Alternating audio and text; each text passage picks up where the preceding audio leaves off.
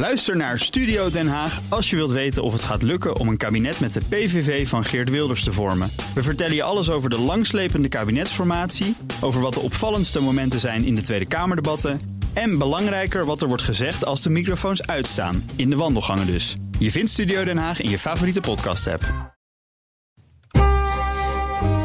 De Perestrooikast. Een blik op Oost-Europa.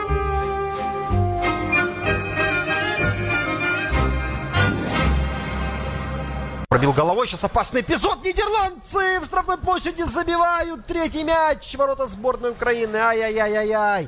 И вот все-таки Дензел Думфрис э, тоже все-таки...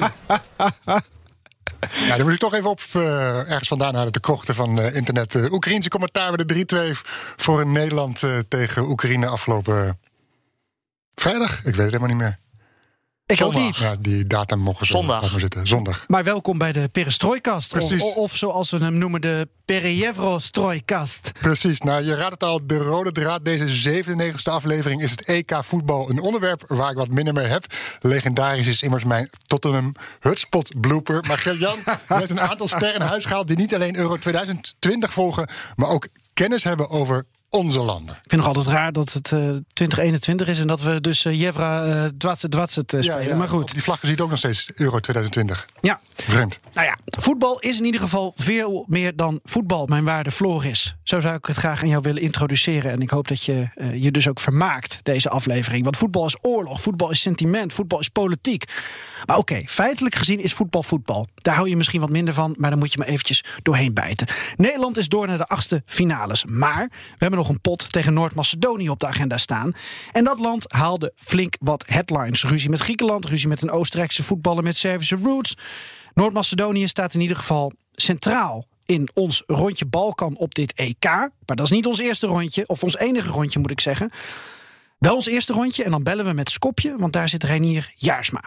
Het is misschien moeilijk te bewijzen, maar toen ik keek en uh, ik, ik zat met een uh, paar andere Macedoniërs te kijken, was het eigenlijk meteen duidelijk wat hij wat die schreeuwde. Ik, ik kon het bijna van zijn lippen aflezen. Wat zei hij?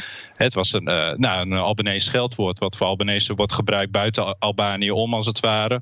Uh, om ze, nou ja, scheldwoord waarmee ze worden aangeduid. Wat, wat wij hier in Macedonië of in Servië niet kunnen gebruiken. Uh, want dan breekt het heel los. Tsjechië en Slowakije vielen op in de eerste speelronde in positieve zin. Tsjechië pakte Schotland in en Victor Peters, die uh, hebben we eerder gesproken, die woont in Brno, vertelt over hoe zijn schoonfamilie in Slowakije dan weer de verrassende Visegrad-victorie op Polen vierde. We moesten echt op zoek naar sportcafés waar het uitgezonden werd. Tot slot, na Tsjechoslowakije gaan we door naar de Sovjet-Unie. Blijven een beetje in oude machtsblokken natuurlijk. Hè? Joegoslavië, Tsjechoslowakije, Sovjet-Unie of niet, Floris? Ja, Gert-Jan. Hebben we nu weer ruzie met iedereen? Dat zullen we nog wel zien, Gert-Jan. Oké, okay, Floris. In de derde helft gaat onze Joost vanuit Moskou strooien met voetbalanekdotes en moppen en zoomt hij in op Oekraïne en Rusland. Maar het heeft te maken, heb ik wel eens van een sportjournalist gehoord, dat het toch uh, ja, de spelers niet de discipline kunnen opbrengen hebben uh, die, die, die, die Italiaanse of Spaanse of Duitse spelers met name uh, wel hebben. en daardoor komen ze toch niet echt ooit helemaal tot een doorbraak. Hoort een debutant in deze podcast. Elk vooraanstaand programma heeft uh, en medium heeft tegenwoordig een voetbalanalist in huis. En een dier als voorspeller van uitslagen. Ook nog eens, nou die hebben we dan niet. Uh, wij hebben ook een voetbalkenner in huis gehaald voor een uh, ruil voor een glas bier na afloop. Oh ja. En dat is Michael Roelen, gehuurd van het sportprogramma De Perstribune. En hier ook uitstekend redacteur bij BNR. En Hij ja, kijkt je aan, dit is geen sportprogramma hoor. Het is een media- en sportprogramma. Ja, media- en sportprogramma. Weet je zo ja. weinig van sport dat je niet Nee, eens ik heb weet welke sportprogramma's er zijn? Wees blij dat je, dat je überhaupt hier bent, Michael. Dus uh, niet te hoog van de toren blazen, jongen. Maar als jullie willen, kan ik ook nog wel gewoon als een dier gedragen en wat voorspellen. Doe maar, orang-oetan is goed. En ja, zijn voornaam komt inderdaad van de laatste Sovjet-leider Mikhail Gorbachev. Michail komt met cijfers en rugnummers van, onze, van de deelnemende landen uit onze regio. Oké, okay, adem uit. En in en uit. En je weet het inmiddels. Alles ten oosten van de rivier de Elbe kan de komende weken, maanden, jaren in deze podcast besproken worden. Ah, en weet je wat leuk is? Dat wij heel sociaal en democratisch zijn. En dat je Ja? ideeën kunt inbrengen via Twitter, het Perestrooikast. Of mail ons op perestrooikast.bnr.nl. En daar doen we nog wat mee ook. Wat een puinhoop dit. Mijn naam is Geert-Jan Haan. En ik ben Floris Akkerman. En we hebben natuurlijk... Michael Roela. En dit is BNR Perestrooikast.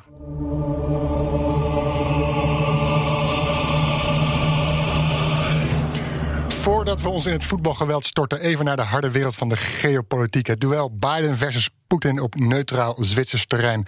Deze top even snel, kort in drie vragen. Dat is toch mooi, hè? Een beetje een, een voorprogramma eh, van, eh, van het EK voetbal. Biden versus Poetin. Eén, Floris. Hoe kijken de Russen terug op deze ja, beladen pot? Ja. Ehm, ja, of het gelijk spel is, dat zal ieder voor zichzelf invullen. Of winnaar of verliezer. Ehm, als ik kijk naar de Russische reacties, ik heb even gekeken vanuit de Russische invalshoek. eh, van politici, experts en journalisten. dan zie je dat zij het woord stabiliteit in de mond nemen. Hè. Ze benadrukken dat Poetin en Biden hebben gezegd dat een, nucleo- nucleaire oorlog niet gewonnen kan worden. en niet moet worden uitgevochten. De Russen wijzen dan vooral op het verlengen van het nieuw startverdrag. waarbij Mos- Moskou en Washington zich inzetten voor wapenbeheersing. en dat ze na deze stop daarover samen bilateraal verder over gaan praten. Ja. Want ja, de Russen waren nat amused dat de VS het ene na het andere wapenverdrag in de afgelopen decennia opzegde of bediscussieerde. En dus daarom het Westen dat voor instabiliteit zorgt in de wereld en niet Rusland. Zo maakte Poetin op de persconferentie na afloop duidelijk. Вы сказали, на Западе считают, что российская внешняя политика является непредсказуемой. Позвольте послать вам ответную шайбу. Выход Соединенных Штатов в 2002 году из договора по ПРО абсолютно непредсказуемая вещь. Зачем надо было это делать, разрушая основы международной стабильности в сфере стратегической безопасности? Ja, Потом выход Poetin из eh, договора voorspelt hier de по, uitslag van э, Rusland-Finland.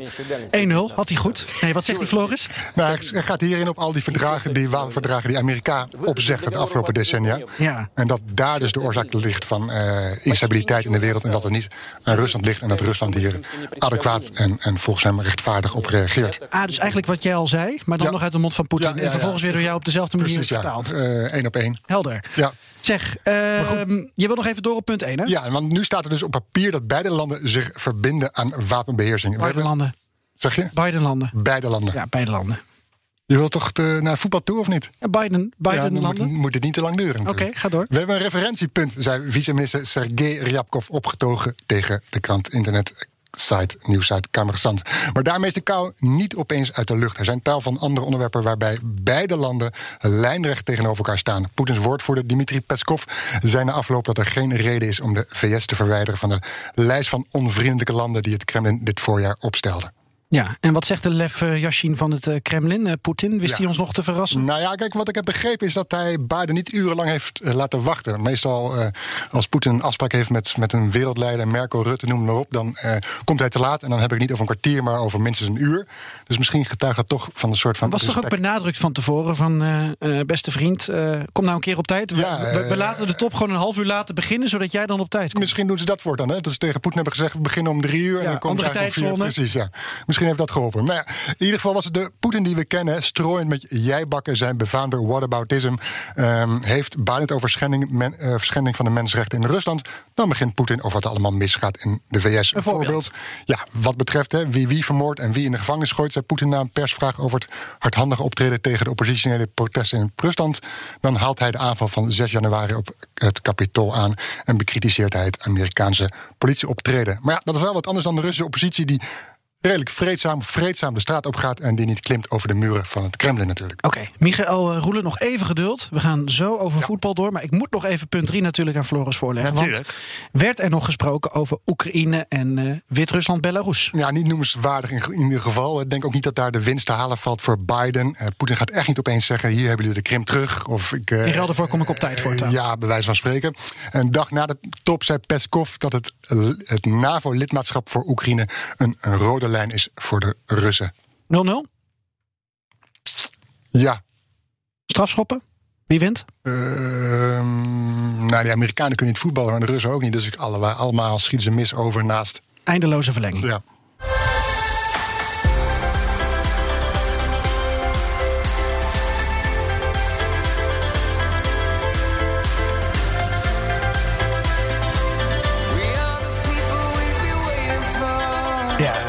Tijd om van de politieke arena naar het voetbalstadion te gaan. Wat een rukmuziek. Je hoorde het al in onze uitgebreide inleiding. We gaan de regio van de Perestroikast op dit EK onder de loep nemen. Oh ja?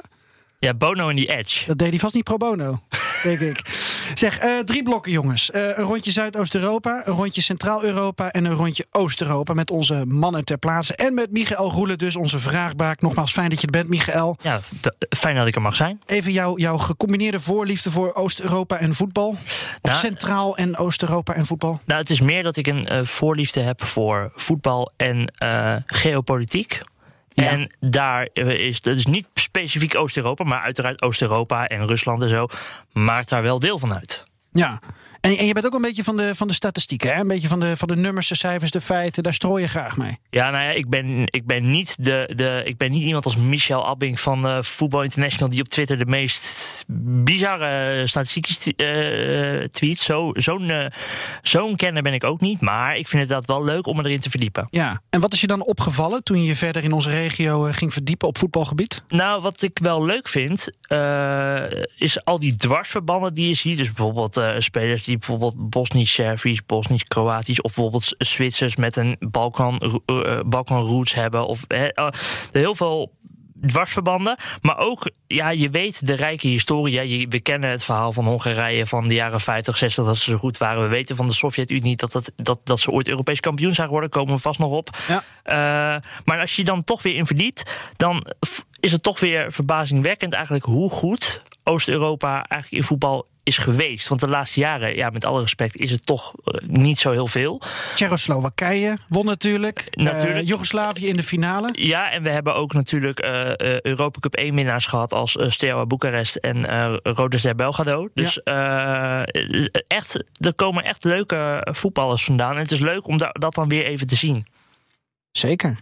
Zullen we beginnen met het eerste rondje? Dan gaan we het in blokken opdelen. Floris, ben je al eh, geanimeerd? Ja, ik luister graag naar de stem van Michael. Ook naar de inhoud? Mm, Ja, ook hoor. Is toch leuk? Ja, dat zeg ik Ken ik ook niet. een beetje politiek. Oké, nee, ik moet ook niet voor jou, eh, voor jou spreken. Goed, ehm, Oh. laten we beginnen met het eerste rondje. Dat kan niet anders zijn dan de bal kan.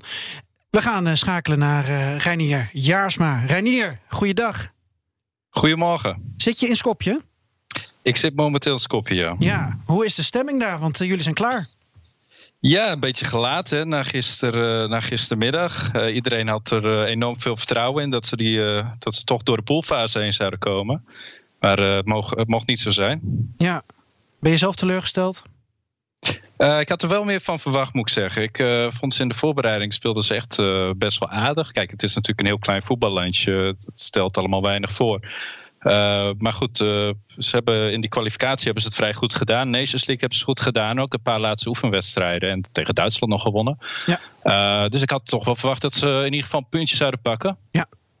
Maar dat, ja, maar misschien tegen Nederland hè, maandag. Toch leuk dat Noord-Macedonië een keer meedoet. Al zei ik gisteren al, met Zuid-Macedonië erbij hadden ze meer kans gemaakt tegen Oekraïne.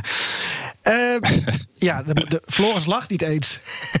het, het boeit hem helemaal niks dit. Ehm Reinier, we hebben hier ook eh, eh, collega Michael Roelen in de studio. Onze vraagbaak.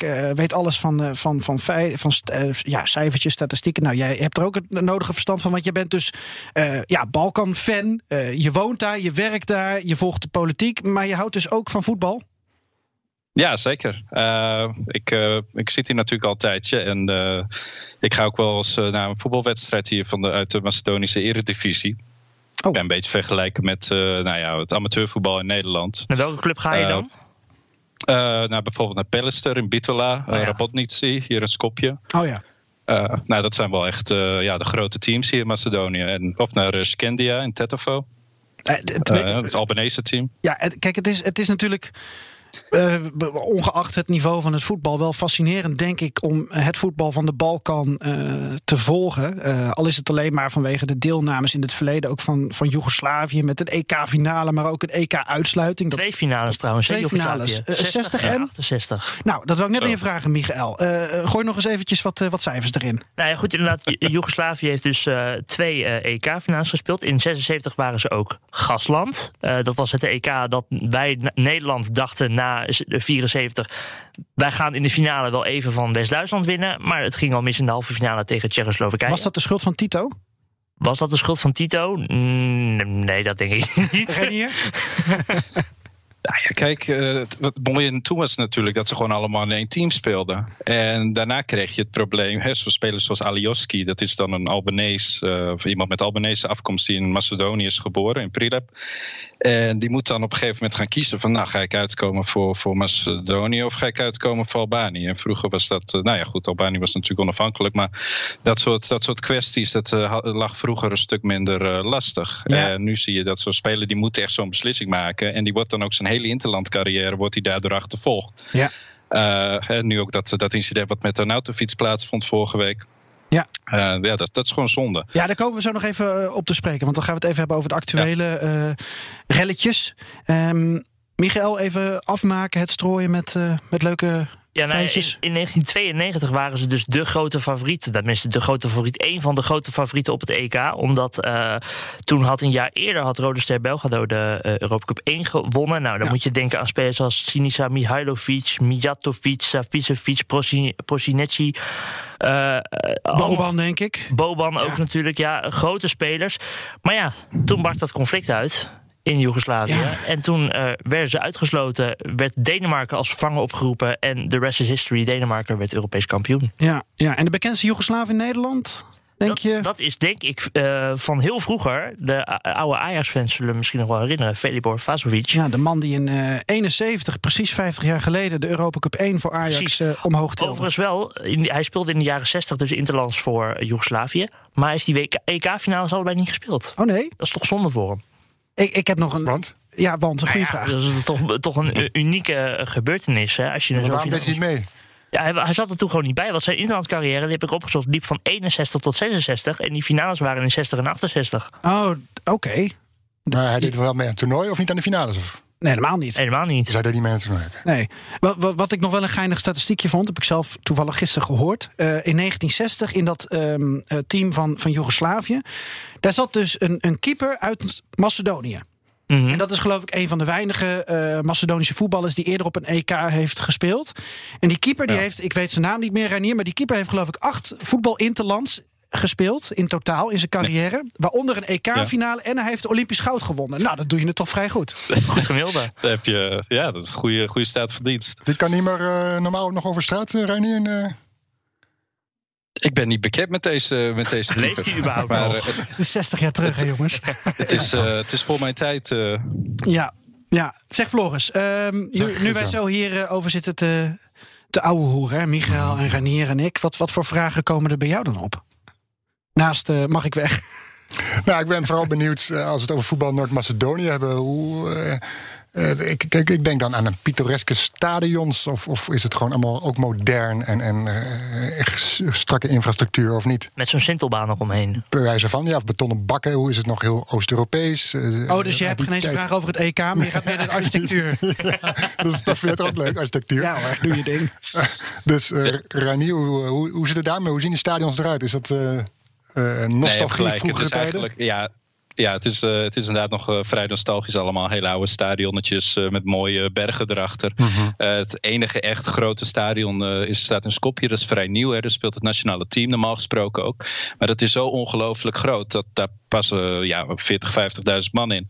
Uh, die zitten er nooit. Als er het nationale elftal hier speelt, dan zitten er misschien 5.000 tot 10.000 man. Dus dan, dan speel je alsnog voor een, voor een helemaal leeg stadion.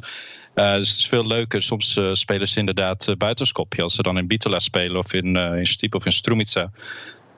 ja, dan, dan is er veel meer sfeer, veel meer ambiance. Want dan heb je gewoon vol stadion. Er zijn er alsnog Mhm. maar 5.000 tot 10.000 mensen.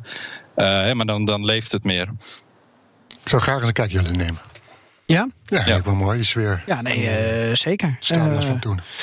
Ik, ik ben er wel eens een paar van die stadions geweest. Ja, niet, niet, in Noord-Macedonië, maar in de regio. Dus eh, eh, zeker aan te bevelen. Zullen we het even over het EK hebben en over het ja. sentiment? Vind je dat goed? Ja, ja, ga eh, ja, ik had eigenlijk vragen voor jou opgeschreven, maar dan doe ik ze wel. Ja, dat is prima. Ja, dat is prima. Hè? Reinier, de, de sfeer in Noord-Macedonië mag voor het eerst meedoen aan zo'n toernooi. Zit in een pool met Nederland, Oekraïne en Floris. Welk ander land? Sorry, mijn gedachten dwaalden even af.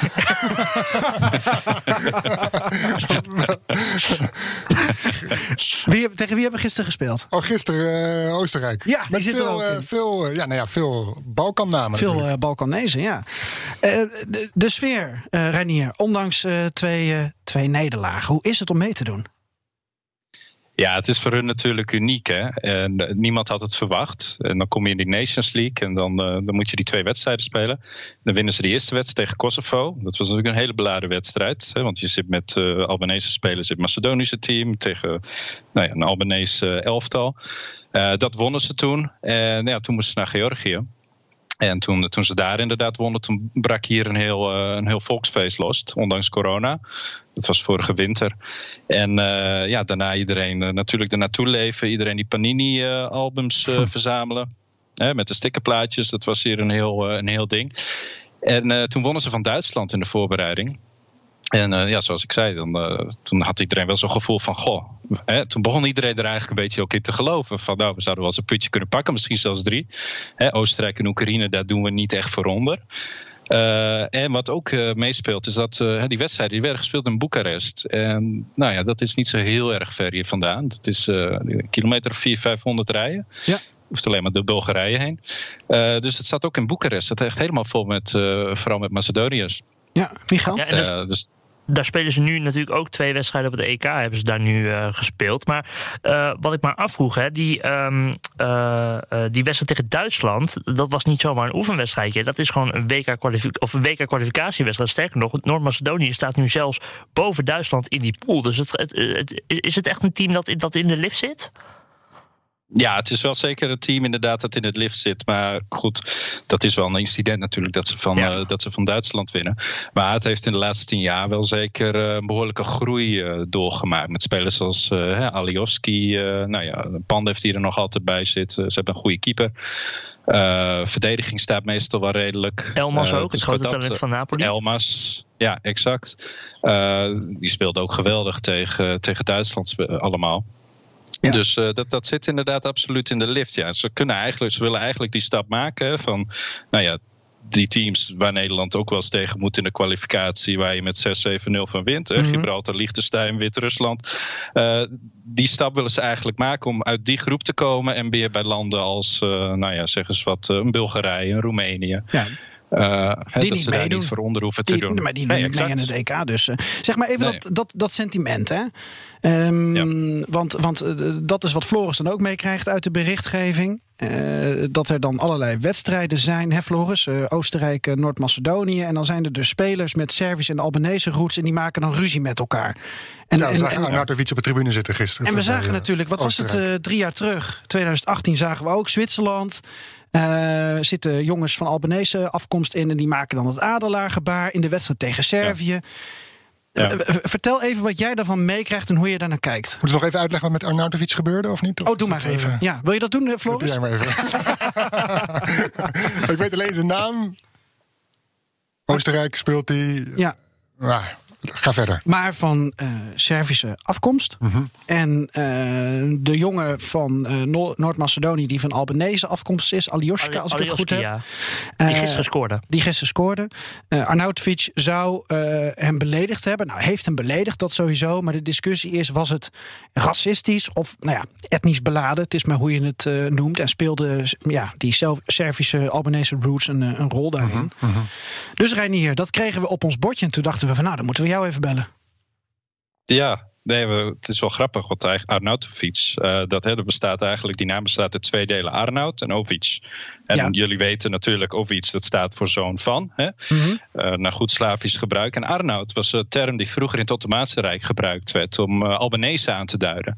Oh, En nu in het Turks ook nog altijd een afstammeling daarvan, Arnavut, volgens mij. In het Turks verwijst nog altijd naar Albanees. Eh, dus het is eigenlijk wel grappig, want zijn naam betekent eigenlijk zoon van een Albanees. of zoon van een Albanese. en, en dan kwam je in dat, eh, in, nou ja, al- dat wat hij allemaal tegen Alioski heeft gezegd. Ja, het is misschien moeilijk te bewijzen. Maar toen ik keek en eh, ik, ik zat met een eh, paar andere Macedoniërs te kijken, was het eigenlijk meteen duidelijk wat hij, wat hij schreeuwde. Ik, ik kon het bijna van zijn lippen aflezen. wat zei hij? Het was een, nou, een Albanese scheldwoord, wat voor Albanese wordt gebruikt buiten Al- Albanië om, als het ware. Uh, om ze, nou ja, scheldwoord waarmee ze worden aangeduid. Wat, wat wij hier in Macedonië of in Servië niet kunnen gebruiken. Uh, want dan breekt het heel los. Uh, okay. Maar wat Albanese onderling met elkaar gebruiken om, om elkaar aan te duiden. Ja, ja. Maar de, de, de, nou, dat, dat, die rel heeft een staartje gekregen. In ieder geval, Arnautovic mocht niet meedoen tegen, tegen Nederland. En nu is dat misschien wel weer een beetje gesust. Um, maar het is nou, weer, iedereen, weer zo'n conflict, ja. hè? Ja, iedereen had zoiets van: goh, hè, dan zijn, ze al, zijn al die landen die zijn er niet bij. Hè? Albanië is er niet bij, Servië is er niet bij. En dan gaat het dan alsnog weer over. Hè, tijdens een Balkanteam gaat het alsnog weer over uh, Albanese en Serven. Uh, die het met elkaar aan de stok krijgen. Of althans, weer zo'n term die, die er dan wordt rondgestrooid. ik, had, ik had het idee dat iedereen zoiets had van: goh, moet dit nou weer, weet je wel? Van. Ja dat is weer, dat is weer ons. Zo van, uh, ja, elke in de laatste, laatste minuut. Ja, daar zijn we weer. -hmm.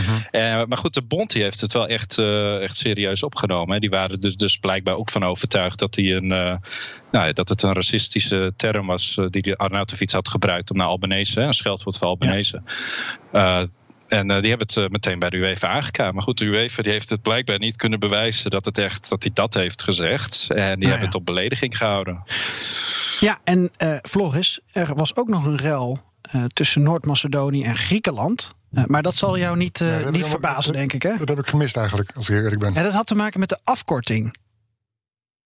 Zal ik het aan Ranier vragen Ja, om uit te leggen? maar. Oké, Mhm. Ranier, bij deze de vraag. Ja, nee, de, de afkorting dus. Eh, toen Macedonië en Griekenland, dat, eh, die hebben dat akkoord gesloten een paar jaar terug, drie jaar terug volgens mij. En de naam van het land moest veranderd worden.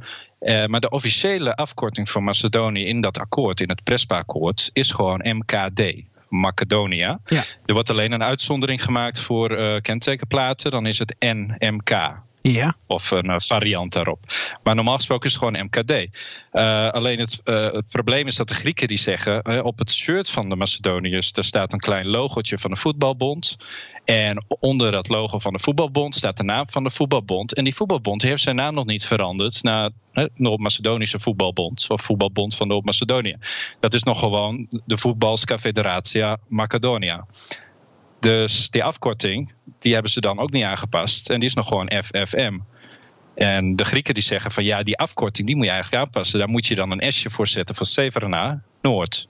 Dat het Noord-Macedonië, de voetbalbond van Noord-Macedonië wil.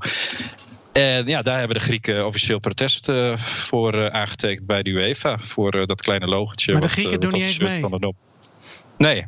Nee, zo werd het ook wel hier een beetje ontvangen van nou, eh, je kan het wel indienen, maar eh, probeer je eerst maar eens te kwalificeren. Ja. Nou, ik zag gisteren wel dat er bij het scorebalkje, want, eh, wat dan boven ze, op, linksboven in het scherm staat, daar stond de eerste wedstrijd volgens mij nog MAC, MAS, want er staat gewoon niet de Nederlandse afkorting. Maar gisteren, stond, gisteren Ja. stond er NMA. Dus hij had het Ja. veranderd. Ja, dat heeft, eh, de NOS heeft dat althans veranderd. Ik heb, klopt. ik heb even een rondje gedaan gisteren inderdaad... eh, om ook te kijken hoe doen doen buitenlandse zenders dat. En eh, de Duitsers, de, de Amerikanen, hier in Macedonië natuurlijk... Die hadden, de Turken, die hadden allemaal MKD gewoon staan... Hè, wat de officiële afkorting is. Dus nu Griekenland gaat overal protest indienen. Blijkbaar hebben de, in België en Nederland hebben de Grieken ja, toch een sterke lobby dat ze het in de NMA hebben kunnen veranderen. Oké. Kamervraag hoor. We moeten we, op zoek, Absoluut. we moeten op zoek naar de, de Griekse ambassadeur, want die heeft dat dan eh, bij de NOS kenbaar gemaakt waarschijnlijk. Ik vind Dat Mac- zou mij niet verbazen. Ja. Ja, ik- de Mac vond ik wel een leuke afkorting. Tegen wie speelden ze toen? Dat was tegen de eerste wedstrijd was tegen eh, Oostenrijk. Oostenrijk. En Dus een Mac, een tegen Mac Oost. Oekraïne, ja. Ja, dan krijg je een schnitzel. Ja. Lekker. We- we- nog twee punten, eh Renier, die we even met jou willen bespreken. Ehm Michael komt zo nog met wat, met, met wat vragen over ehm, ja, de legende Koran Pandev. Maar eerst Mhm. eh, verder in jouw regio, ehm, Kroatië. Hoe kijk je daarnaar? Gaat het een beetje kans maken, dit EK? Nou, daar had ik op zich had ik daar wel eh, grote hoop in. eh, hè, want die Ja, hebben natuurlijk een oude fantastisch selectie? gepresteerd op het, op het. Ja, dat wel. Drie jaar al- geleden. ge- ge- Ja. Modric is gewoon eh, oude, oude, die werd door Heb jij er ineens verstand Nee, van? nee, Frenkie je hebt speelde helemaal weg met die Modric dat- eh, tegen hij dan Ajax Real wel. Madrid. Ja, dat weet hij wel, ja. Maar dat is omdat hij zelf Ja. oud is. Dus hij herkent oude mensen. Maar ga door, Renier. Aha, vandaar. Nee, maar goed, ik, ja, goed, je verwacht dan toch wel dat ze in ieder geval die, die poolfase door zouden komen. Maar ze waren heel erg teleurstellend inderdaad tegen, tegen Engeland. En ook tegen België in de voorbereiding hebben ze, hebben ze het echt een eh, slechte indruk achtergelaten. Dus ze zullen vanavond echt eh, aan de bak, of vanmiddag, wanneer is het? Wedstrijd als ze tegen Tsjechië spelen. Um, dus de zes uur wedstrijd, ja. Ja, nou, dan goed dat uh, ja, in Kroatië hebben ze ook zoiets van. Uh, die, Kroaten die hadden natuurlijk ook veel meer van het elftal verwacht. Maar het viel echt heel erg tegen in de eerste, eerste wedstrijd. Het was heel erg mat. Ja, nou ja, het wordt wel een leuke, een leuke strijd waarschijnlijk tussen Kroatië en Tsjechië. Wie er doorgaat naar de volgende ronde. Uh, nou ja, misschien, misschien gaan ze wel allebei door. Misschien pleuren ze die Engelsen nog eruit. Dat zou ook wel lekker zijn een keer. Nou, ik denk eerder de Schotten. Ja, maar de Schotten stellen niet zoveel voor. Behalve als ze tegen Nederland spelen. Dan zijn ze ineens goed. Maar dat geldt ook voor Turkije. Ja, ja Michael. Uh, dan nu jouw vragen over, uh, over Pandev. Want dat vind jij wel een, uh, een ja, mooie vent, hè? Kijk, Goran Pandev is natuurlijk gewoon een enorm fenomeen. Hij is, hij is bijna 38, geloof ik. Hij, hij, uh, Sorry, hij, ja. hij, hij zat op... nog samen met Wesley ja. Snijder bij Inter Milaan. Hè? Ja, Hoe weet jij dat nou weer? Snijder Hoe weet jij dat nou weer? Een, een tonnetje. Hij heeft de Champions League gewonnen met Inter Milaan. En Snijder is inmiddels een tonnetje en die Pandev die schittert op het EK. Ja, klopt. Hij jaren in, in Italië gevoetbald. Nog steeds, uh, als ik goed begrijp, bij, uh, bij Genoa. Maar uh, mm -hmm. ja, hij is natuurlijk de, de, de voetbalvader des vaderlands, zou je hem misschien ook kunnen noemen. Is hij echt. Ja, René, kan jij beschrijven hoe groot hij daar is? Hij is gewoon de Alexander de Grote van Noord-Macedonië. Een soort Johan Cruijff? Ja, absoluut. Ja, ja Johan Cruijff. Ja, maar, dan, uh, maar dan inderdaad nu nog actief voetballend. Hè? Uh, dat, ik hoor een Pandev is het Macedonische voetbal eigenlijk. Dat, uh, dat, dat, daar staat helemaal niemand toe in verhouding. Iedereen die hangt zich aan hem op. er was een tijdje dat hij, dat hij er niet meer voor het nationale elftal uit zou komen. Tot een paar jaar terug. En toen heeft de bondscoach hem toch over kunnen halen om... Nou ja, van ik ga het hele elftal om jou heen bouwen. Alle bepalende spelers, dat het duidelijk wordt van jij, jij bent de bepalende speler. En uh, dat, toen heeft hij hem toch weer weten over te halen om, om terug te komen. En in de tussentijd heeft hij zijn eigen academie opgezet in, in Strumica, waar hij vandaan komt. Ja. En dat is ook uitgegroeid tot een voetbalclub. Die doen mee in de, in de eerste divisie, volgens mij nu op dit moment. dus ja, nee, dat is, dat is echt een levende legende hier. En iedereen kijkt ernaar hem op. En hij, hij, laat het ook weer zien. Hè. Gisteren ook weer een doelpunt. Werd wel afgekeurd. Maar ja, goed, dat was een de, schitterend in de eerste stiftje, wedstrijd. Ja, schitterend Eigenlijk stiftje. zou je, als het doelpunten zo mooi zijn... dan zou je eigenlijk gewoon moeten zeggen... buitenspel doen we niet aan. Ja, nee, vind ik ook. En helemaal op zijn leeftijd. Ik denk dat hij dan de oudste. Nou, dat is natuurlijk waarschijnlijk al de oudste doelpuntenmaker op het TK, of niet? In ieder geval voor nu, voor dit TK wel, ja, in ieder geval. Ja, ja, ja. ja. ja. Nee, maar wat, wat, wat ik wel grappig vind, dat je hebt het over dat Academia Pandev, hè, die club. Ik, ik begreep, die hebben Ja. ook al een keer de beker gewonnen en Europees voetbal eh voorrondes gespeeld. Maar wat ik dus wel grappig Ja. vond, is dat dus je hebt nu een speler, Marjan Radeski. Die zit in die selectie van Noord-Macedonië en die voetbalt bij Academia Pandev. Dus er zit gewoon een speler die bij de club van Pandev zit in de selectie met Pandev. Ja. Ja, nee, dat is, maar, dat is eigenlijk bizar inderdaad, Ja. als je erover nadenkt. Ja, nee, maar dat, eh, dat Academia Pandev, ja, dat begon inderdaad als een, eh, als een team. eh, Dat is volgens mij een jaar of tien opgericht of zo. En het idee was inderdaad hè, dat het een academie zou worden. Hè, dus een jeugdopleiding, et cetera. Eh, maar die doen, eh, volgens mij zitten ze in een jaar of, eh, een jaar of drie of vier, doen die mee in de, in de Eredivisie. En die hebben daarna ook eh, ja, hebben de, de cup gewonnen. Ja. Eh, twee jaar terug. En in het vorige seizoen eh, zijn ze volgens mij als tweede geëindigd. Dus dat is ook, eh, dat is ook dan niet zomaar een, hè, een academie. Dat is echt een volwaardige voetbalclub die meedoet om de prijzen. En die Europees voetbal gaat spelen in de Mooi, mooie club om een keer heen te gaan. Mag ik nog, nog, een, Ja. nog een vraag stellen? De slotvraag is voor jou, Floris. Gezien jouw, eh, jouw enorme feitenkennis die je zojuist etaleerde. Ja, Dus, ze, eh, ze zien deze landen die meedoen aan het EK, zien ze dat ook nog als een is iets van, ja, we horen bij Europa. Of ja, nou, dat is natuurlijk, ze zitten in Europa, maar iets van politiek. Van we zijn één continent, we nemen afscheid van het verleden. Ja, hoe zou ik die vraag scherp goed ja, stellen? dat weet ik Ja, niet. Had je nee, dit nee, ik kunnen- begrijp oh, wat je bedoelt. oh, Ja. ik niet. Ja. Dus dat vind ik knap. Nee, nee, nee nou ja, ik, denk, ik denk dat hij wel een punt heeft. Ik bedoel, dat is wel een beetje hoe mensen het hier inderdaad aanvoelen. En je hebt dat hele gedoe met Griekenland gehad. Toen dacht iedereen van, nou, hey, dat is nu afgelopen. Toen kwamen de Bulgaren, de, die hadden allemaal allerlei problemen met eh, de Macedonische identiteit, et cetera. En die blokkeren nu dat E EU EU-uitbreidingsproces eh, voor Macedonië. Eh, dus ze hebben wel zoiets van, hè, nu we schitteren op dit podium, eh, doen we eigenlijk ook echt mee en we horen er echt bij. En ja, ook omdat die Bulgaren het nu nog altijd tegenhouden, wordt het wel gezien als van nou, oké, als we daar dan dat niet kunnen doen, dan kunnen we in ieder geval meedoen met, eh, hè, met eh, de voetbalcompetitie. En ze hopen ook dat ze nou ook succes gaan boeken. Hè, dat ze in de, in de Super League, of hoe heet het, in de UEFA League, dat ze misschien eens de groepsfase kunnen bereiken de met Conference daar. De Conference League, ja. ja dat ze, nou ja, dat dit- ze dit- daar misschien dus wat eh, verder kunnen komen. Dit gaat dan weer mijn eh, pet eh, te boven. Maar prima, ik hoop Ja. dat ze heel ver komen in, in een of andere competitie. Hey Reinier, ik wens je een heel fijn vervolg van het EK toe. Zonder Noord-Macedonië ben je dan automatisch naast Nederland ook voor, voor, voor Kroatië? Of zoek je nog een, een of ander etnisch clubje uit dat je gaat... Nou, eerst natuurlijk nog tot maandag eh, even kijken wat de Macedoniërs gaan doen tegen, tegen Nederland. Hè? Want eh, je weet het maar nooit. Ze zouden zomaar een puntje kunnen pakken als Nederland met een B-elftal eh, Ja. aantreedt. En eh, ja, en daarna, ja, ik hoop er dan inderdaad dat Kroatië doorkomt. Verder is Turkije ligt er ook al uit. Ja. Zo goed als. Dus ja, ja het, is, het is gaas. Ja, maar wel genieten. Hey, dankjewel. En eh, veel plezier daar in, in Skopje met het feestende Noord-Macedonië. Reinier Jaarsma, Dankjewel. dankjewel hè. Dankjewel, Reinier. Dankjewel. Gaan we van, de, van Zuidoost-Europa naar Centraal-Europa, Floris. Gert-Jan. De regio van Puskas en Panenka. Die ken je wel. Puskas, Real Madrid, Panenka van de beroemde penalty. Heb je nog mee gespeeld, hè? Ja. De Puskas. Ja, ik heb zes keer eh Getraind. eh, Europa Cup 1 gewonnen natuurlijk met hem. ja. Ehm, moeten we even naar onze andere vraag maken? Om wat, eh, wat historie Ja, ehm, Michiel, bij trek even, Centraal-Europa. trek even een bak historie open. Even een bak historie. Nou, je hebt het dus over Puskas en Panenka. Dus dan wil je het over Hongarije, Tsjechië, Slowakije. Zullen we die even doen? Polen. Kieprits. Polo? Kipris, ja, natuurlijk. Kipris, hè, de, de snor. Nee, is heel lang geleden. Ja, nou laten we dan maar gewoon even beginnen bij. eh, ik heb er wel allemaal blaadjes voor me liggen. Laten we maar eens even beginnen dan even bij Polen. Zullen we dat even doen? Polen? Doe dat, ja. Polen, nou goed. Eh, ja, Polen, dat is toch eh, altijd een beetje een apart team. Ze hebben natuurlijk de beste spits ter wereld in Robert Lewandowski. Afgelopen jaar 41 goals voor Bayern München. eh, een, een record eh, van Gerd Müller, de grote Gerd Müller, afgepakt. Ja. Ehm, en ze- als je ook kijkt naar de, de selectie die ze hebben, bijvoorbeeld een, eh, ze hebben dan die Chesney, die keeper bij Ju- eh, Juventus zit. Szczęsny. Is, is de juiste Poolse uitspraak. Daar heb ik echt een jaar over gedaan. Oké, nou dat laat ik, dat, dat laat ik dan eh, voor jouw rekening.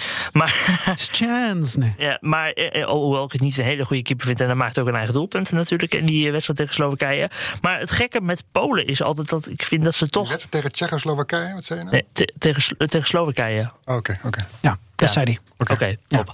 Nee, maar eh, wat, ik, wat ik altijd apart vind aan, aan Polen... is dat het op het toernooi eigenlijk vrij weinig uitkomt. Op het laatste EK wel, kwartfinale gehaald... maar ook maar met, met iets van drie, vier doelpunten.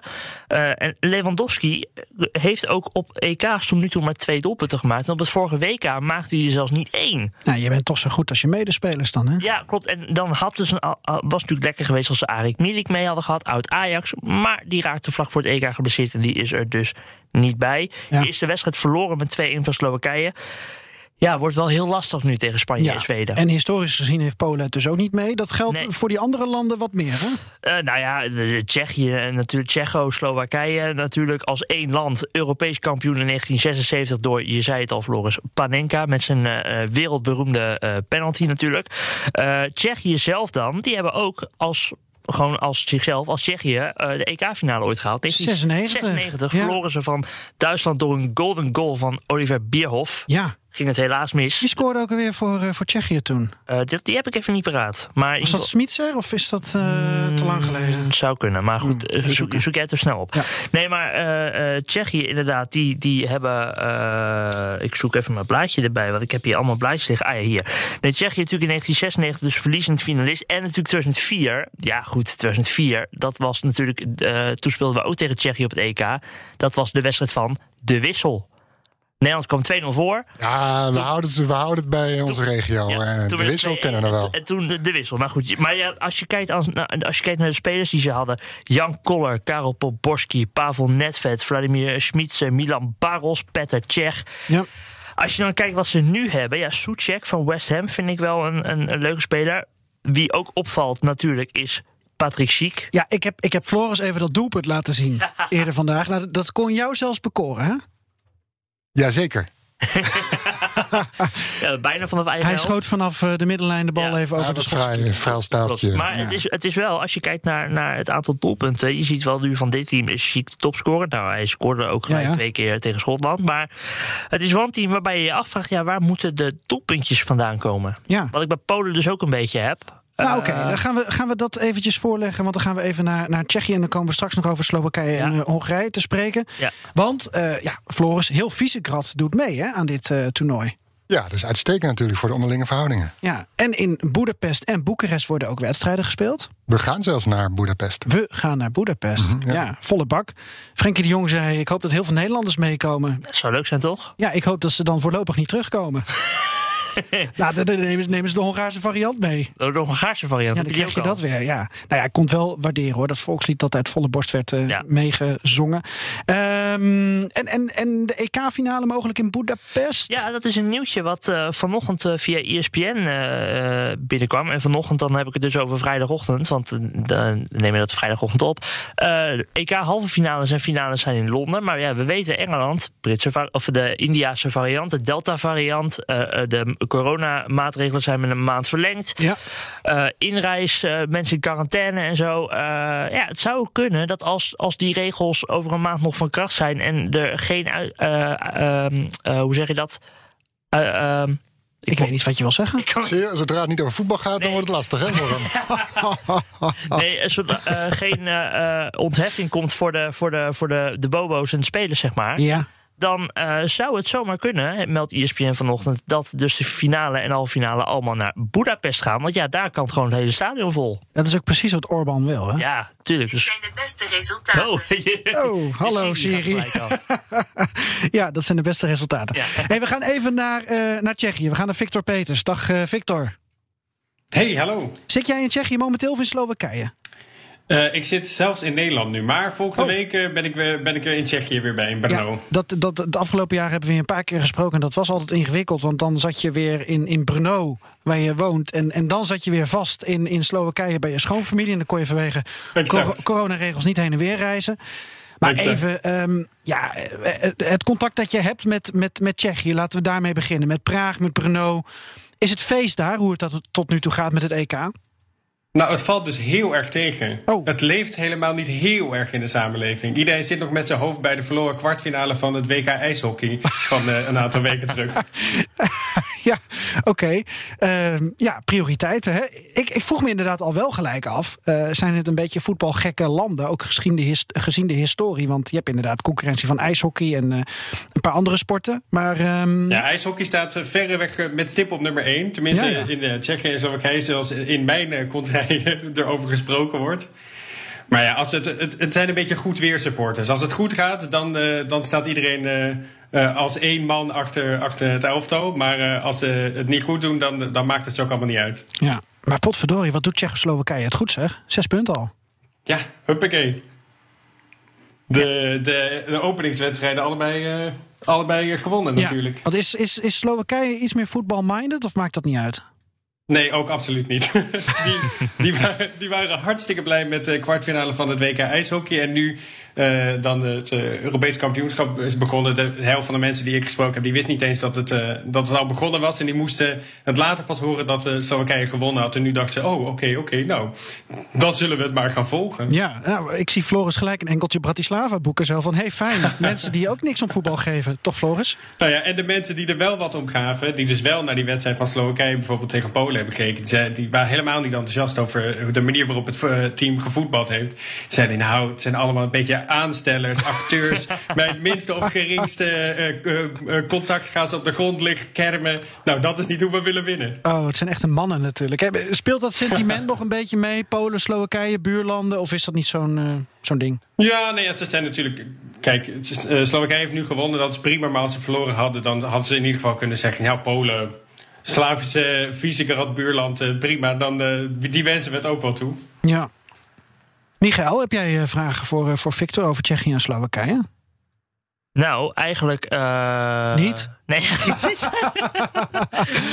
Schiet me niet zo snel iets er binnen, nee. Nee, maar Floris die zit ook helemaal achterover geleund. Het, het interesseert je echt helemaal niks, hè? Dat zeg ik niet. Dat zijn jouw woorden. Ja, dat zijn mijn op woorden naar inderdaad. Tsjechië, Floris. Ja, op naar Tsjechië, want... Ja, nou ja, dan uh, ben je met de gelijkgestemde. Dat het, uh, het, het leeft niet echt in de. Kijk, er zijn nergens vlaggen op straat, nergens van die uh, dingen die je om je auto achteruit kijkt, spiegels. Niemand. Geen versierde straten. Hoe is het dan in de kroeg? Zijn er tele, hier in Nederland? ze een, vriend van mij, een vriend van mij, die is. die, die is grote schermen. Nee, ja, een vriend van mij die, die, nu wel Brno is, daar heb ik eh, even mee gebeld. En die zei, hij komt zelf uit Engeland. En hij zei, ja, ik ben de meest fanatieke Tsjechische supporter hier. We moesten echt op zoek naar sportcafés waar het uitgezonden werd. Oké, Michael, je hebt Ja. inmiddels een vraag. Ja, klopt. Nee, kan je dat andere eruit knippen? Nee, het heeft, er, heeft het er misschien ook mee te maken dat het bijvoorbeeld in Tsjechië niet zo leeft? Omdat, hè, wat ik, ik zei net, al die spelers van vroeger, Koller, Poborski, Netvet, Het was trouwens Patrick Berken die scoorde in de Oh, EK-finale. Patrick Bergen, ja. Maar inderdaad, al die spelers van vroeger, die en nu, ja, met alle respect, het zijn toch niet de, de, de meest bijzondere hoogvliegers die ze nu hebben. Nee, inderdaad. Er, er, is geen uh, Njetwet die, eh, die eh, meer meespeelt. Je, je, zei, al, je had het al over Socek en over Siek. Ja, dat die zijn dan nu een beetje de dragers van het team. Maar ja, er is niet eh, een, eh, hoe zeg je dat, een soort van grote voetbalpersoonlijkheid op Nee. dit moment. Maar ja, misschien dat het Europees kampioenschap daar juist weer verandering in aan kan brengen. Als ze het heel goed doen, Ja. dat dat misschien weer een soort van revival voor de, de voetbalsupporters eh, in Tsjechië kan zijn. Ja, ja. Terwijl Slowakije heeft die naam eigenlijk wel. Bijvoorbeeld Marek Hamsik, dat is toch wel de, Absoluut. gro- de grote man. De jaren bij Napoli gezeten, ging toen naar China. En om eh, toch in de kijker van de bondscoach te blijven... is hij toen naar Göteborg in Zweden gegaan, of all places... om, om daar weer ritme op te doen. En je hebt dan ook nog Skriniar van Inter. Die, Ja, eh, die is goed, man. Ja, maar die staat naast Stefan de Vrij daar in de verdediging. En die maakte de winnende goal tegen Polen. Maar je- ondanks dat, dat, dus dat soort spelers... dan- leeft het toch niet echt? Nou, niet heel erg inderdaad. Kijk, Hamsik is bekend bij iedereen. En, eh, en hij wordt een soort van als eh, de verlosser gezien... die Ja. het dan maar voor het, het hele Slovaakse elftal moet oplossen. Skriniar en, en Shatka die hadden natuurlijk Lewandowski wel in hun zak... Ja. eh, in, de, in de openingswedstrijd. Dus daar is iedereen ook nu helemaal, eh, helemaal blij mee.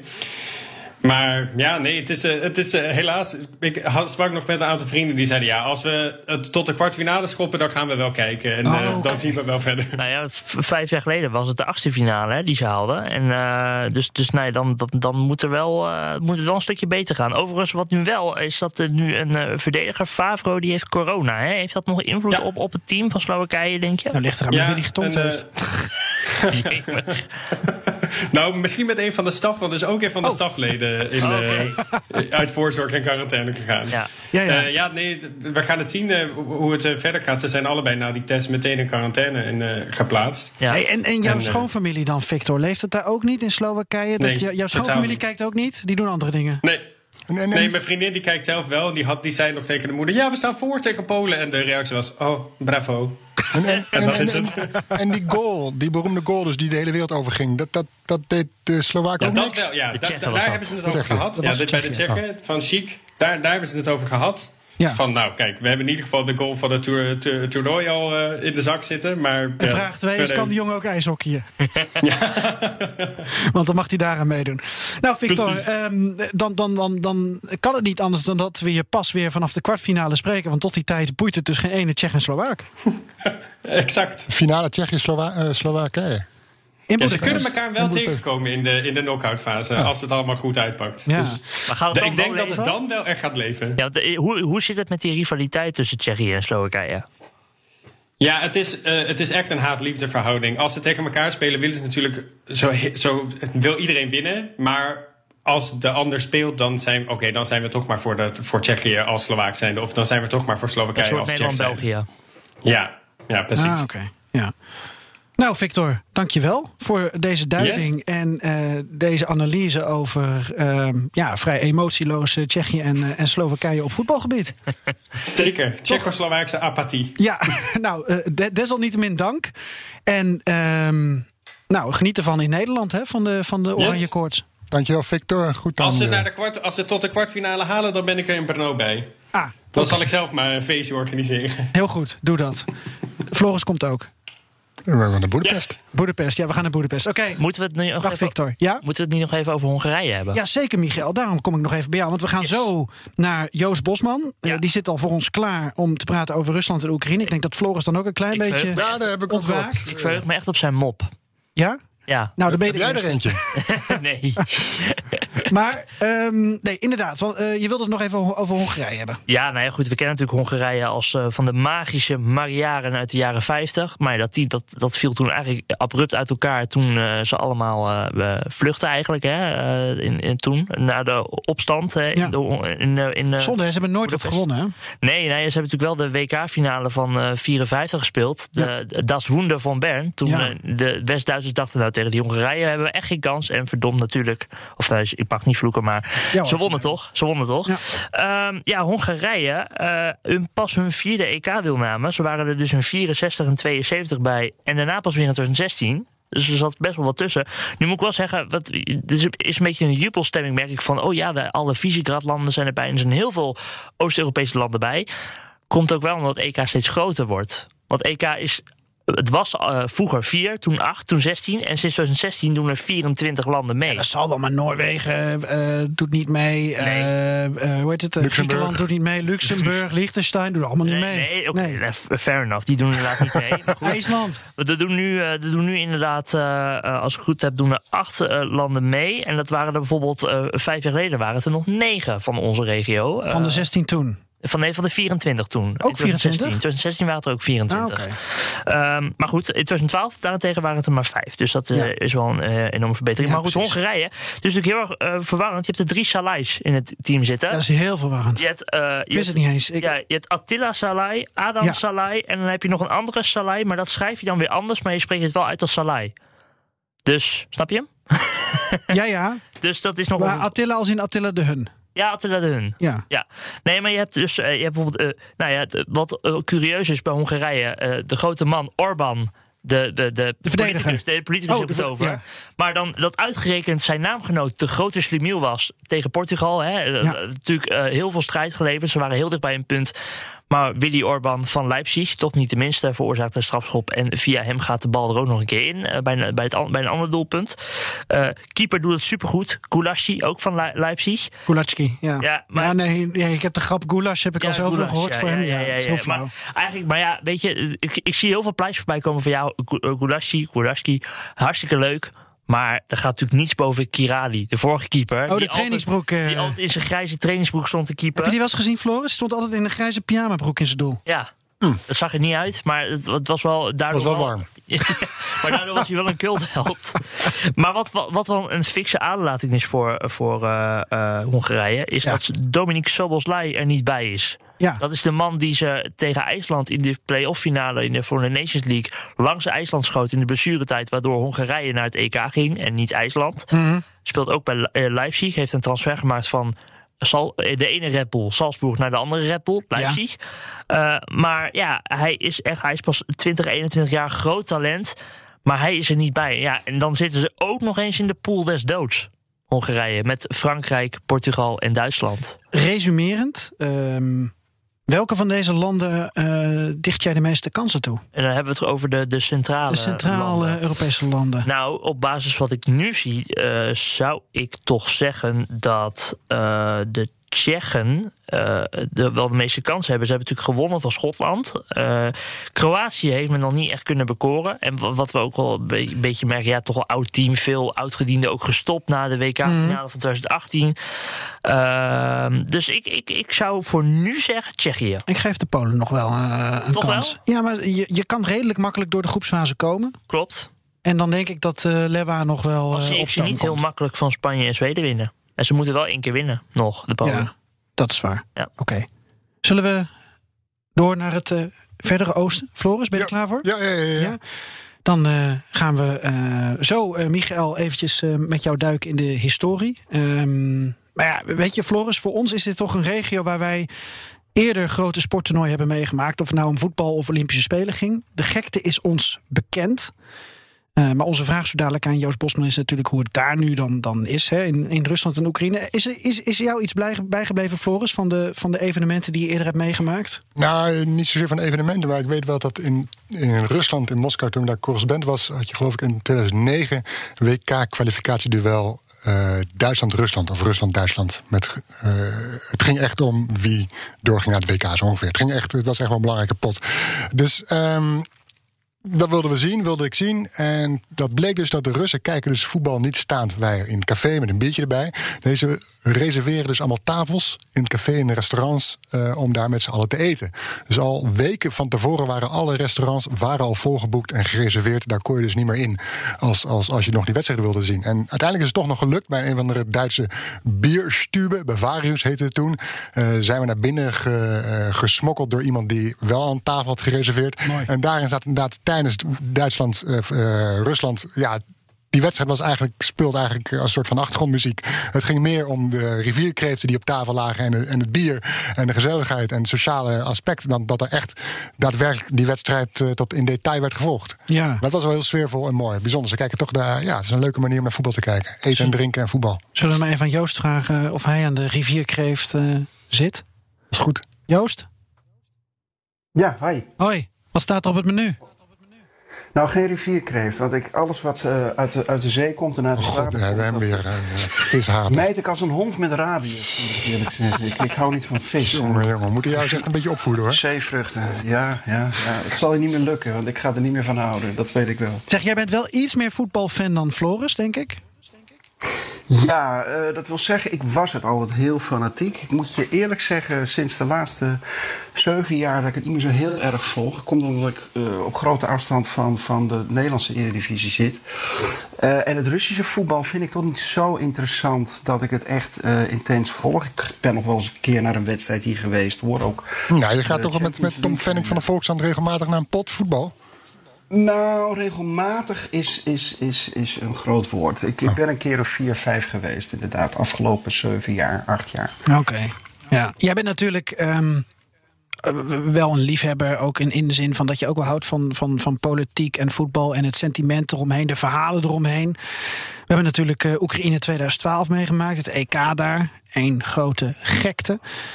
Eh, om even in die historie te duiken, hebben we hier ook Michael. Eh, al weet ik, Joost, dat jij ook het nodige weet, dus dan mag je zo aanvullen. Eh Michael, hoe ehm, gaat het met Rusland en Oekraïne? Hoe doen die het normaal gesproken op voetbaltoernooien? Nou ja, laten we ze in het begin even samenpakken als Sovjet-Unie. Want eh, in 1960 werd eh, eh, de Sovjet-Unie Europees kampioen. Dus in de finale tegen, wat noemden het al eerder, Joegoslavië. In 1968 Ja, had dat, dat was Tito tegen. wie zat er? Khrushchev. Khrushchev, hè? Ja. En in, eh in 68 hadden ze de finale ook kunnen halen. Ze speelden namelijk gelijk tegen Italië. En wat deden ze toen? Dat is echt waar. Tossen, tossen om wie er naar de finale mocht. Echt waar? Geloot. En toen was de tos dus Italië tegen Sovjet-Unie. En Italië won de tos, ging naar de finale. Waarom gingen ze tossen dan? Ja, ze deden het gewoon nog niet aan verlenging. Het is echt, echt super raar. Ja, nee, het is werkelijk waar te bizar voor woorden. Dat je, dat je een tos laat bepalen wie er naar de finale gaat. Maar zo is het wel. Dus de EK-finale door de neus geboord. En eh, natuurlijk 88 hebben wij eh, Nederland natuurlijk tegen de Sovjet-Unie gespeeld. eh, met, eh, nou ja, goed, de goal van Van Basten. Maar Ja, dat was natuurlijk we wel een, een door Oekraïne gedragen team. Hè? Dat met Kiev. en met Blokhin. En, eh, ja. En we hebben natuurlijk, ja, als je over Rusland hebt, natuurlijk de beste keeper aller tijden volgens velen, de Sovjet-Unie.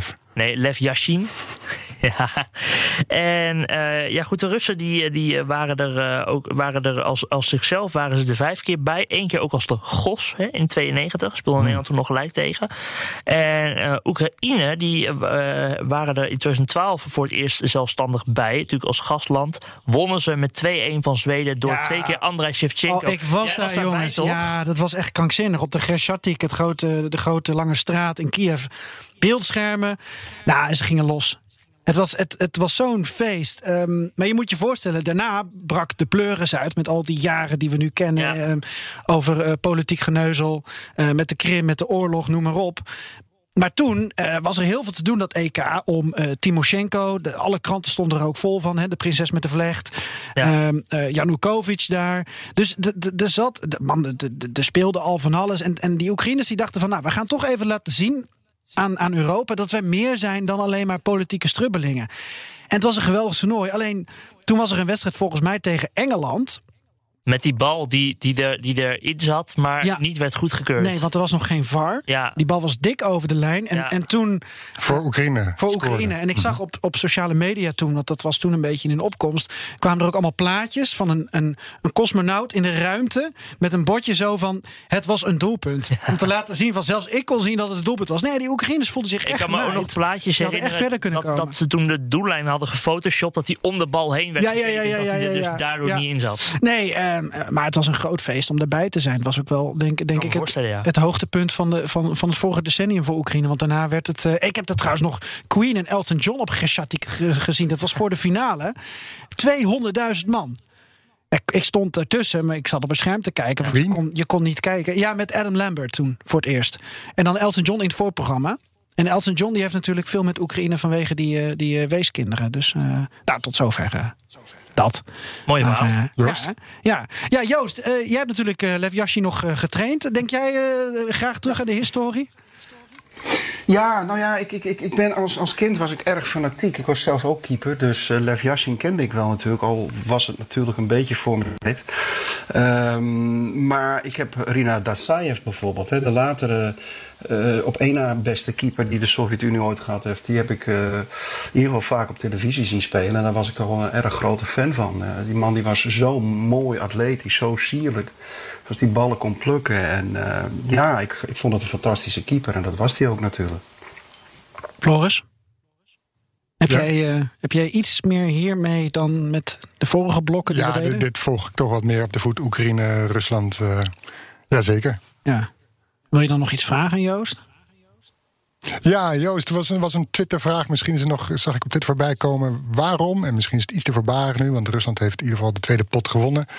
Ja, is is het toch wel tegenvallend wat Rusland presteert op, op, op internationale toernooien. Terwijl ze toch een, roemrijke historie hebben. Ze hebben goede stadions, infrastructuur, er is geld. Hè. Eh, Gazprom popt er geld in. eh, de Russische spoorwegen prop, eh, stopt er geld in. Sponsorteams. Waarom komt dat toch op een enkele speldenprik toch niet tot, tot finales of halffinales en, en, en trofeeën? Ja, de uitzondering was natuurlijk eh, drie jaar geleden hier in eh, Rusland zelf. Toen eh, Rusland de kwartfinale haalde. En het grappige was dat er toen gezegd werd van... ze hebben het slechtste team ooit. Dit, dit wordt helemaal niks. En het werd het beste toernooi van het onafhankelijke Rusland... na de val van de Sovjet-Unie... dat ze ooit gespeeld hadden. Dus dat, dat kan in één keer verrassen natuurlijk. Maar het heeft te maken, heb ik wel eens van een sportjournalist gehoord... dat het toch ja, de spelers niet de discipline kunnen opbrengen hebben eh, die, die, die, die Italiaanse of Spaanse of Duitse spelers met name eh, wel hebben. Eh, en daardoor komen ze toch niet echt ooit helemaal tot een doorbraak. Hè. Er, zijn, er zijn spelers die hebben wel in Engeland gespeeld, ook al in Italië, maar ze, ze halen het toch niet echt tot aan de supertop. Omdat het toch, het heeft toch met discipline te maken. hè. Ze gaan graag stappen, dat soort dingen. Nu generaliseer ik wel heel erg, maar nou ja, en dat heeft natuurlijk ook zijn, zijn, zijn, eh, weerslag op het nationale team. Hè? Dat je ja, toch niet de spelers hebt die echt de absolute top bereiken. Dan, dan kun je als nationaal team misschien ook niet zo heel veel bereiken. Eh, drie jaar geleden was het toch een hecht collectief. Ze hebben toen ook niet met vreselijk goed voetbal zijn ze naar de kwartfinale gegaan. Maar ze wilden er wel voor knokken. Hè? De- discipline was er toen wel. En, ja, er speelt nog iets, Joost, ja, ze volgens mij. goed toernooi gespeeld. Hm? Volgens mij spelen er nog een paar dingetjes. En, dan- en, dan, en dan Floris, die, eh, die wilde nog een andere vraag aan je stellen. Maar wat er volgens mij ook speelt, is dat er wordt zoveel geld in die Russische eh, voetbalcompetitie gepompt. Dat alle Russische spelers daar blijven. Er is er maar eentje die nu in een buitenlandse competitie speelt. Maar het niveau van die Russische competitie, die gaat maar niet omhoog. Dus die spelers, die, die, die worden ook gewoon niet beter. Want ze komen niet met betere voetballers op de proppen. Dat klopt. Ze, ze kiezen er vaak voor om in, in Rusland te blijven, omdat ze hier zelf nog weer meer kunnen verdienen dan in Italië of in Spanje. En, en ja, net wat je zegt, het, het, het, het niveau van, de, van de, eh, de, de eerste league, zoals dat hier heet, eh, is gewoon niet zo heel erg groot. Eh, ja, ik, ik denk dat het nog wel onder de maat van, van onze eigen eredivisie in Nederland is. Ja, je had natuurlijk wel een opleving eventjes. Hè, met, met, je had natuurlijk wel even een opleving hè, met CSK Moskou. Dat, de UEFA Cup won. Toen dacht je Dik advocaat. Spaceburg, ja. Maar over die discipline was ook dat als je kijkt naar die Sovjetsterren van toen, hè, die, die toen na de val van de, van, van de Sovjet-Unie naar West-Europa verhuisden, of in ieder geval of iets rond die tijd in West-Europa gingen voetballen, Engeland, Italië ook daarvan eh, grote spelers. Ehm, ook die gingen verzonken toen of, of zakten toen weg in het gebrek aan discipline. Die hadden opeens te maken met vrijheid, konden gaan en staan waar ze wilden. Dus die carrières werden lang niet zo veelbelovend in West-Europa als van tevoren hadden gedacht. Ook bij die grote, grote namen niet. Ja. Ja, wat, wat ik Nou ja, dat. Ja? Nee, maar, sorry. Joost. Zeg je gang.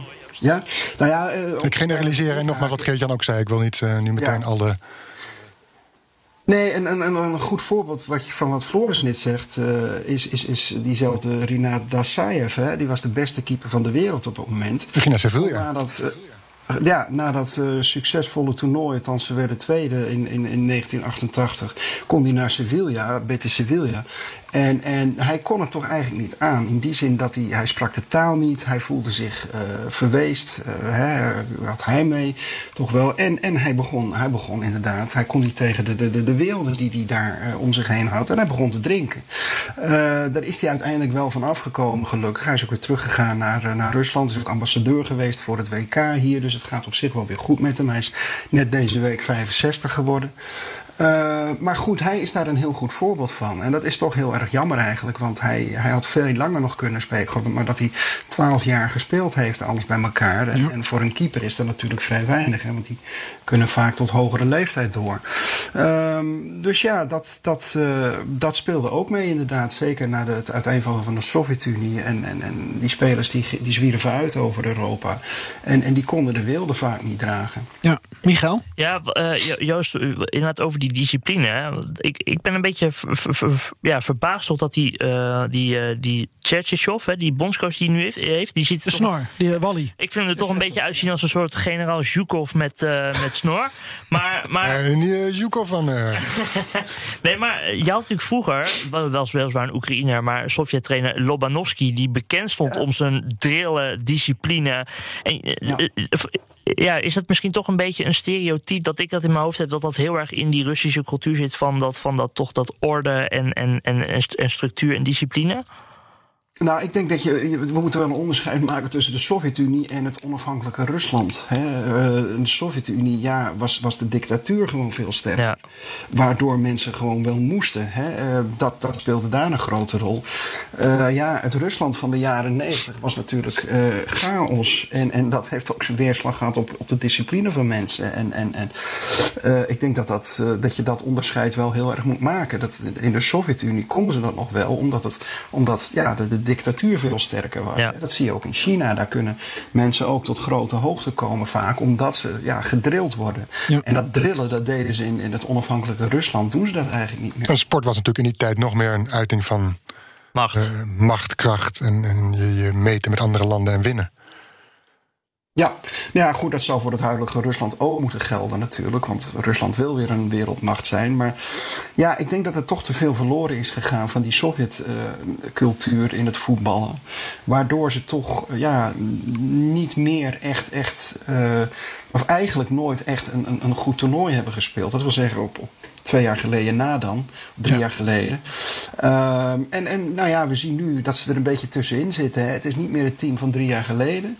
Eh, gingen kansloos en heel knullig onderuit met 3-0 tegen België. Maar tegen de Finnen stonden ze er toch maar weer. Ja. En door een geweldig doelpunt van eh Miranchuk hè, eh, wonnen ze die wedstrijd. En toch ook wel verdiend, denk ik. Wij waren nog wel benieuwd, Joost. De derby van Karelië, zei ik al eh, gekscherend. Rusland en Finland tegenover elkaar. Is dat in Rusland nog een dingetje geweest? Eh, historisch beladen pot? Eh, ik heb het niet gezien. Ik heb het niet gezien. Eh, nee. Bedankt en, eh, Maar ik, heb- de wedstrijd wel gezien. Maar ik heb, ik heb die, die, die, die, die, die rivaliteit. Nee, gewoon te lang geleden. Ge- Te veel gebeurd tussendoor. Ja, ja, ja, ja. ja. Het grappige was ook dat, dat intussen de, de, de top tussen Poetin en Biden bezig was. En ik heb begrepen, hoor ik vanmorgen op de radio, dat op sociale media, daar is een onderzoek naar gedaan, mensen daar meer over twitterden. Eh, dan over ehm, of, of Facebook of contacten. eh, dan, dan over, over eh, Finland-Rusland, de wedstrijd. Oké. we het nog hebben over Oekraïne? Het shirt van Oekraïne, de prestatie van Oekraïne? Nou, zeker. Toch, Joost? Volg je dat een beetje, Oekraïne? Ja, zo'n beetje, zo'n beetje. Berouw rond het ze shirt. bij Nederland in de pool zitten. Ja, ja ik, ik las vanmorgen ergens een grap dat, dat de, de, de Oekraïners ehm, met dat, eh, die, die landkaart van Oekraïne op een borst spelen. Dus, hè? En, en Ja. dat, dat, dat, ze, dat ze niet mogen zweten op, eh, op, het- op de plek waar de Krim ligt, want dan brengen ze weer water naar de Krim. Ja, de Krim heeft een groot waterprobleem inderdaad. Juist, ja. En dat komt ook voor een deel doordat Oekraïne dat, dat, eh, dat Noordkanaal, dat Noord-Krimkanaal heeft afgesloten. Ja, ja. En is- er was ook gedoe over, jaar geleden. Ook, ook gedoe over Ja. die slogan, hè, dat op het shirt stond van Oekraïne, eh, glorie aan de helden. Oekraïne, Roy Ja. Slava. Ja. En, en dat mocht dan niet. daar, dan, daar, daar, daar zag ik dan ook weer een geweldige mem, een, een memo over. Een meme heet dat, hè? Een, een- Meme. Een, een, Meme. Een meme, Een grap. sorry. Ja.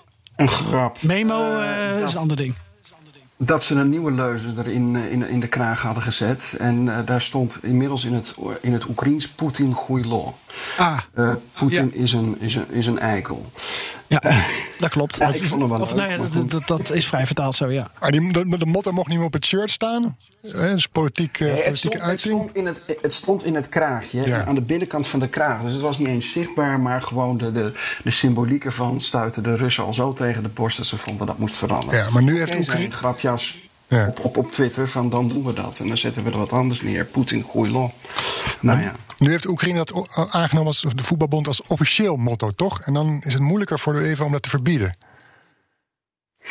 Dat zou kunnen, dat weet ik niet. Maar eh, die, die term uh, Geroim Slava, hè, eh, Ja, de, de, de, de helden, eh, eer aan de helden, is, eh, wordt, wordt door de Russen telkens gezien als een, een, een spreuk van de Maidan. Ja, Hè, Als 2014. een fascistische spreuk, want het was van de UPA in de Tweede Wereldoorlog. hè, Die nationalistische club van Bandera, Stepan Bandera.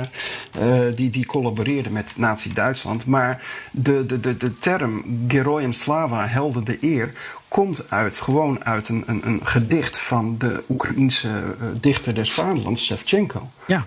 Eh, dus ja, eh, die, die term is al veel ouder. En het wordt ook in de Russische propaganda wordt het gebruikt als... kijk eens, het zijn die fascisten weer hè, uit de Tweede Wereldoorlog. Want die, daar werd die term ook gebruikt. Maar de term is al uit de 19e eeuw. Dus dat, dat, hè, het klopt gewoon niet wat erin... Nee, ik, wa- ik was ook in Belgrad, eh, in, in, Russische stad richting Oekraïnse grens, bij een monument. Bij Garkov linksaf. Ja, zoiets. En daar stond ook eh, glorie aan Rusland op een monument. Gewoon Slava, eh Rassie, zoiets. Eh, dus ja. Rusland gebruikt het zelf ook.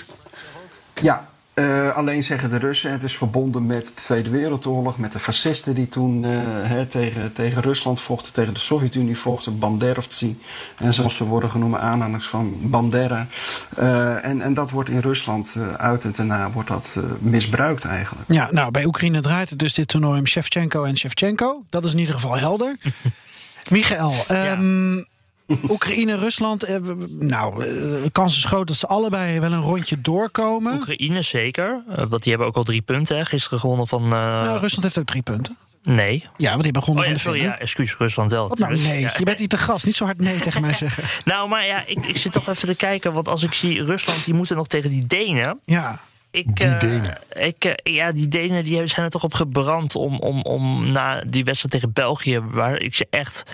Nou, echt, waar ze echt enorm veel veerkracht toonden na wat er met Christian Eriksen was gebeurd. Mhm. Ehm, ja, ik, ik, ik, ik zie die, die Denen dat nog wel winnen. En dan, dan vrees ik dat Rusland misschien dus of wel, nog wel er helemaal uitgaat. Het zou kunnen. Ja. Maar de, goed, gemiddelde dan? Maar Denemarken Ja. is toch uitgeschakeld, of niet? Nee, Denemarken Nee? Oh. kan, als Denemarken van Rusland wint, en dan moet dat volgens mij wel met twee goals verschil, dan kunnen ze nog doorgaan als beste nummer drie. Ah, maar goed, wat- als tweede. ik vraag het ook een beetje aan jou als voetbalkenner. Eh, jij, jij dicht Oekraïne wel iets meer kansen toe dan Rusland? Nou ja, ik, ik heb Oekraïne wel iets beter gezien. Ook natuurlijk omdat ze in de pool van Nederland zitten. Maar als je kijkt naar de, naar de spelers, hè, ze hebben wel meer uit, uitgesprokene spelers, vind ik. Als in spelers die gewoon. Die ik gewoon iets, meer, iets beter vind. Dan denk ik bijvoorbeeld aan Jarmolenko en Jaremchuk. Die zijn nu samen ehm, gedeeld topscorer van het EK. Met onder meer onze eigen Denzel Dumfries. Ja.